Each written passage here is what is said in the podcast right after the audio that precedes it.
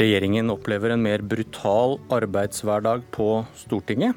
I dag overkjøres de av sine venner i KrF og resten av opposisjonen, som deler ut mer pappaperm. Men Høyre låser seg ikke inn på do for å gråte. De stiller til debatt i Politisk kvarter. Men det er lov å felle tårer i studio her også, Stefan Heggelund fra Høyre, god morgen. Riktig god morgen. Det gjelder ikke minst deg, Fredrik Holen Bjørnstad fra Arbeiderpartiet, selv om du kanskje allerede er herdet. Velkommen. Takk for det. I dag er det andre dag av trontaledebatten, opposisjonens debatt som den kalles, og denne gangen lever den kanskje opp til navnet. Regjeringspartiene vil i dag oppleve at deres tidligere samarbeidspartner KrF sikrer flertall for økt pappaperm. Og gjør det deg trist, Heggelund? Altså, Jeg er jo imot det, eh, fordi jeg er opptatt av at staten skal holde seg så langt unna samtaler mellom mor og far om hvordan man skal fordele permisjonstiden som overhodet mulig. Men eh, det er ikke et stort nederlag disse fire ukene. Det er det absolutt ikke. Så vi overlever nok det. Litt mer trist enn din sjef Erna Solberg, som er for en fedrekvote? ja, Vi har jo hatt uh, mange og store debatter om dette spørsmålet i Høyre i lang tid. Så det er ikke et stort nederlag for oss. Men når du spør meg personlig hva jeg syns, så skulle jeg ønske at vi hadde sluppet det, selvfølgelig. Og så til poenget, da. Det, det blir et vedtak som kan koste litt penger fordi pappaer tjener i snitt litt mer enn mammaer. Og så stabler opposisjonen andre forslag oppå hverandre. Lærernorm, som kan koste milliarder. Arbeiderpartiet, deres hovedmotstander som sitter ved siden av det her. Hvorfor mener du de må ta et ansvar for det som skjer nå? Fordi Arbeiderpartiet er et stort parti. Det er tradisjonelt et styringsparti som er vant til å sette landets interesser først. Og da må man også se på summen av alle de gode tiltakene man har for, om det er noe vi har råd til. I en tid hvor vi vet at uh, vi må kjempe for å bevare velferdsstaten for fremtidens generasjoner. Har, de, har, de, har de, de ansvaret selv om de sitter i opposisjon? Ja, det mener jeg absolutt at de har. Og jeg tror det er litt viktig å huske på at hvis Arbeiderpartiet nå som i sin valgkampevaluering konkluderer med at de var for konstruktive i den forrige perioden, bestemmer seg for å være et ukonstruktivt parti fordi at det tjener Arbeiderpartiets interesser mest, så forlater Arbeiderpartiet en veldig viktig norsk politisk tradisjon. Det er at vi kan stå sammen når eh, det er krevende, det er at vi kan finne gode løsninger om de store sakene på tvers av partigrenser og ideologiske skillelinjer. Og Hvis Arbeiderpartiet nå forlater det, så er det et ugjenkjennelig parti som setter partiets interesser foran landets interesser. Ser du tegn til det? Så du tegn til det i salen i går? Ja, jeg så absolutt tegn på det i, på det i salen i går. Eh, det er eh, et eh, parti som, ja, som sagt, som vil være mindre konstruktive enn det de har vært. Og la meg si det sånn, det var ikke sånn at jeg opplevde Arbeiderpartiet i forrige periode som veldig konstruktive, men de hadde i hvert fall en konstruktiv innstilling i bunn. Nå skal de også kvitte seg med den. Det er en av konklusjonene etter deres dårlige valgresultat. Og da er jeg redd for at vi mister noe viktig i norsk politikk. Noe, mister, viktig, mister, noe viktig med den norske modellen, nemlig at vi samarbeider når det er nødvendig. Holen eh, Bjørdal, hva slags ansvar føler du?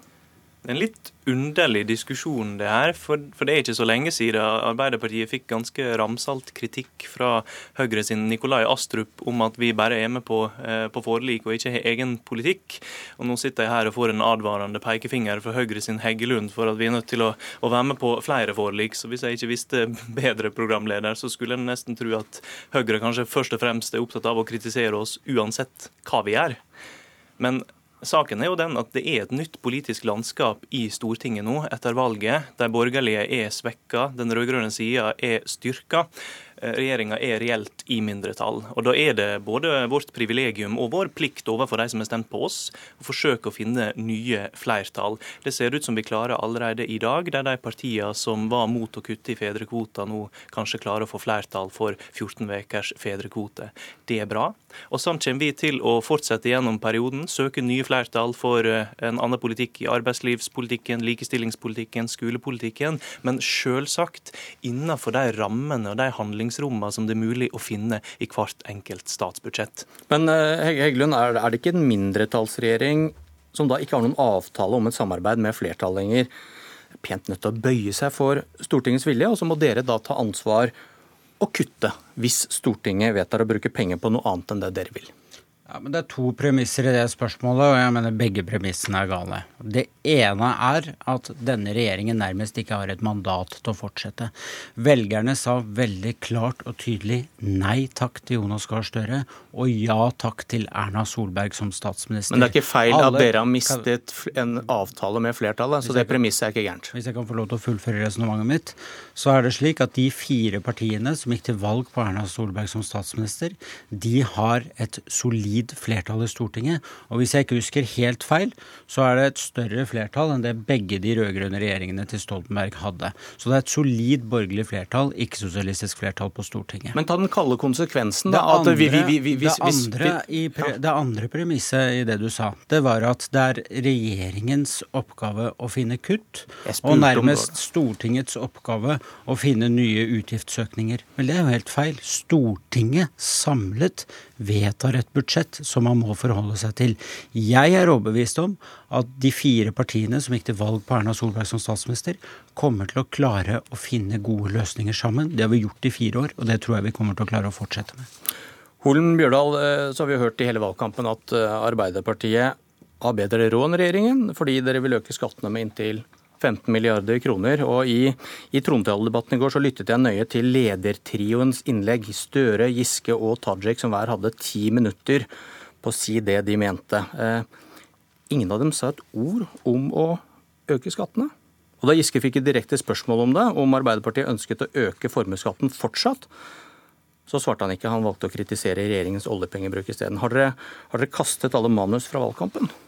Overhodet ikke. Vi gikk til valg på et program som er godt, grundig gjennomarbeida eh, og forankra i hele organisasjonen.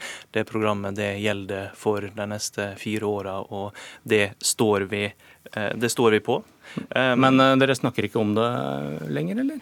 Jo da, vi skal snakke om vår politikk, sånn som vi har gjort gjennom hele trontaledebatten. Vi fremmer flere forslag som vi mener det haster å få gjort noe med. Det ene handler om fedrekvote, det handler om, eh, om læreplass, og det handler om, om, om, flere viktige politiske saker. Det handler om, om, midlertidighet og bemanningsbransjen. Så vi fremmer forslag. Det kommer vi til å gjøre gjennom hele den perioden her, fordi vi er et ansvarlig parti som ikke prioriterer skattekutt ved alle anledninger. Vi prioriterer det som er viktig for folk, arbeid, skole, helse og eldre. Og sånn kommer vi til å fortsette. Men nå, nå gjorde du på en måte det samme som de gjorde i går. Du snakket ikke om å øke skattene. Dere har hatt en evaluering der skatteøkningen har blitt heftig diskutert. og i morgen kommer regjeringen med flere skattelettelser i statsbudsjettet. Da blir det 15 milliarder i økte skatter fra tidligere, pluss det som kommer i morgen, som dere må være imot. Og da blir vel Arbeiderpartiets nye politikk å øke skattene med kanskje over 20 milliarder, da?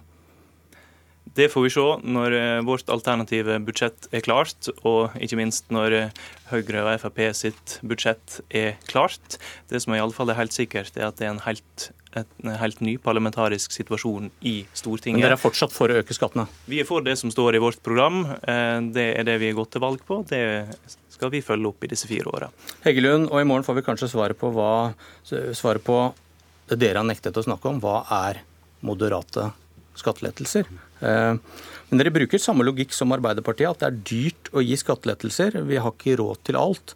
Hvis man skal tro dere når dere sier at skattelette skaper arbeidsplasser, baker kaka større, vi får mer igjen enn vi bruker, da er det noe som skurrer når dere sier at vi har ikke råd til store skatteletter. Det må prioriteres som andre utgifter.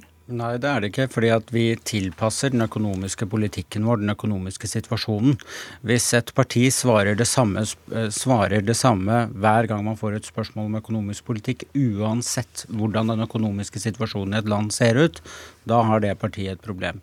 Så vi er for en ansvarlig økonomisk politikk som er tilpasset den situasjonen man er i. Men man får jo mer igjen. ikke sant? Dere snakker om vi må investere for fremtiden. Mm. Eh, og dere mener skattelette gir vekst. Og Da blir det veldig kortsiktig å si at denne formuesskatten, da, som Giske ikke ville svare på i går, eh, hvorfor fjerner man ikke den når den står i veien for norske eiere? Vi, det er jo en, å tenke langsiktig. Mens dere begrunner det kortsiktig med at vi har ikke råd. Nei, men vår... Mens logikken er at jo, vi får mer igjen Det koster ingenting. Nei, men Vår politikk på formuesskatten er jo helt tydelig. Vi ønsker å fjerne på arbeidende kapital for å, at vi skal avslutte den diskrimineringen som er av norsk eierskap i Norge. Men står ikke hele formuesskatten i veien for norsk fordi eierskap? Vi, fordi vi ønsker at eh, norske arbeidsplasser skal eh, være på norske hender. Men står ikke hele men, formuesskatten i veien for eh, norsk eierskap? Altså I vårt program så står det at vi ønsker å fjerne hele på sikt, men det viktigste er å fjerne den nå på arbeidende kapital. Og da må vi prøve å jobbe i Stortinget for å få flertall for det. Men jeg tror det som er viktig å huske på når vi diskuterer økonomisk politikk, det er at vi har nå hatt en krevende periode bak oss. Det største oljeprisfallet på 30 år. Mange mennesker mistet jobben. Da tilpasser man den økonomiske politikken til den situasjonen. Det gjorde vi med kortsiktige tiltak, motkonjunkturtiltak, tiltakspakker på til sammen 9 milliarder kroner til de regionene som er hardest rammet. I tillegg til at vi la om skattepolitikken for å både gjøre at folk skal få lov til å beholde mer av sin egen inntekt, men også bidra til å skape flere arbeidsplasser. Okay. Nå er resultatene av den politikken klar. Ledigheten er på vei ned, veksten er på vei opp.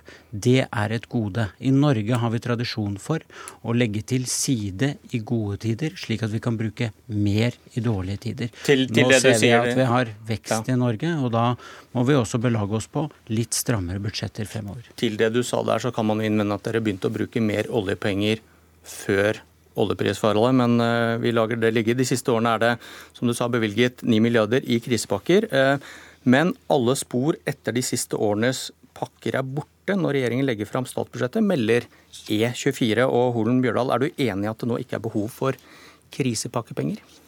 Det er jo litt artig å høre på Stefan Heggelund, som brukte så lang tid på å innrømme at det faktisk var en krise i mange samfunn langs kysten.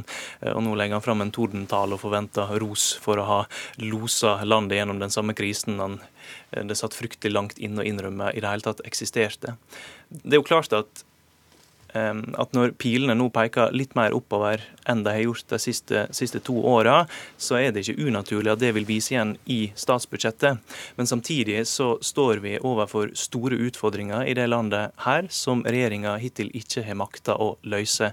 Vi har en fallende andel voksne i, eh, i arbeid, f.eks., eh, som regjeringa ikke klarer å gjøre noe med. Vi har en situasjon langs kysten i mange samfunn fortsatt med veldig høy arbeidsløse. Så vi har store forventninger til statsbudsjettet som jeg frykter at vi dessverre ikke får oppfylt. Vi trenger en aktiv næringspolitikk som skaper nye arbeidsplasser, og en sysselsettings- og arbeidsmarkedspolitikk som får flere inn i jobb og hindrer at så mange feller utenfor. De siste tingene er jo bare slagord, og det er jo substansen i det Arbeiderpartiet fremlegger av sin politikk. Jeg er også enig i disse slagordene, at vi trenger en politikk som får flere i arbeid, og som hjelper folk i utenforskapet raskere tilbake.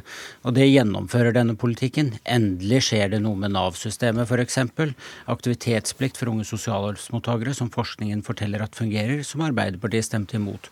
Så nå skjer det noe på alle disse områdene som har vært neglisjert altfor lenge. Denne regjeringen tar tak i disse viktige problemstillingene. Ligger det i resonnementet du hadde, hadde i stad med gode tider at eh, behovet for krisepakker er, er over? Vel, vi har jo nå sett at ledigheten har vært på vei ned i flere måneder på rad. Eh, og ved, i valgkampen så viste tallene at den faktisk var noe lavere, sesongjusterte tall, enn den var eh, under valgkampen i 2013. Så sysselsettingspolitikken og den økonomiske politikken til denne regjeringen har fungert. Eh, vi mener det er viktig når tidene blir bedre at vi legger til side og sparer, slik at vi har penger igjen å bruke når det er dårlige tider en gang i fremtiden. Og Derfor så må vi forvente noe strammere budsjetter fremover. Dere vil, da, vil dere fortsette å bruke ordet skatteøkninger og ordet krise, da kanskje? Olen Bjørda? Det som i alle fall er helt sikkert, er at utfordringene i samfunnet rykker stadig nærmere. Vi skal løse større oppgaver med mindre penger enn før. Og det er nå denne regjeringa for alvor blir satt på prøve. Og hvordan de klarer å løse de utfordringene som står i kø og venter på oss, det står igjen å se. Den dommen feller om fire år. Men hvis de fortsetter de neste fire åra, slik som de har gjort de fire forrige, eh, så er jeg veldig i tvil om eh, denne regjeringa vil være i stand til å løse alle de utfordringene. Det falt ingen tårer i studio i dag. Vi får se hva som skjer i morgen. Takk eh, til Heggelund og Olen Bjørdal. Dette var Politisk kvarter, og jeg heter Bjørn Myklebust.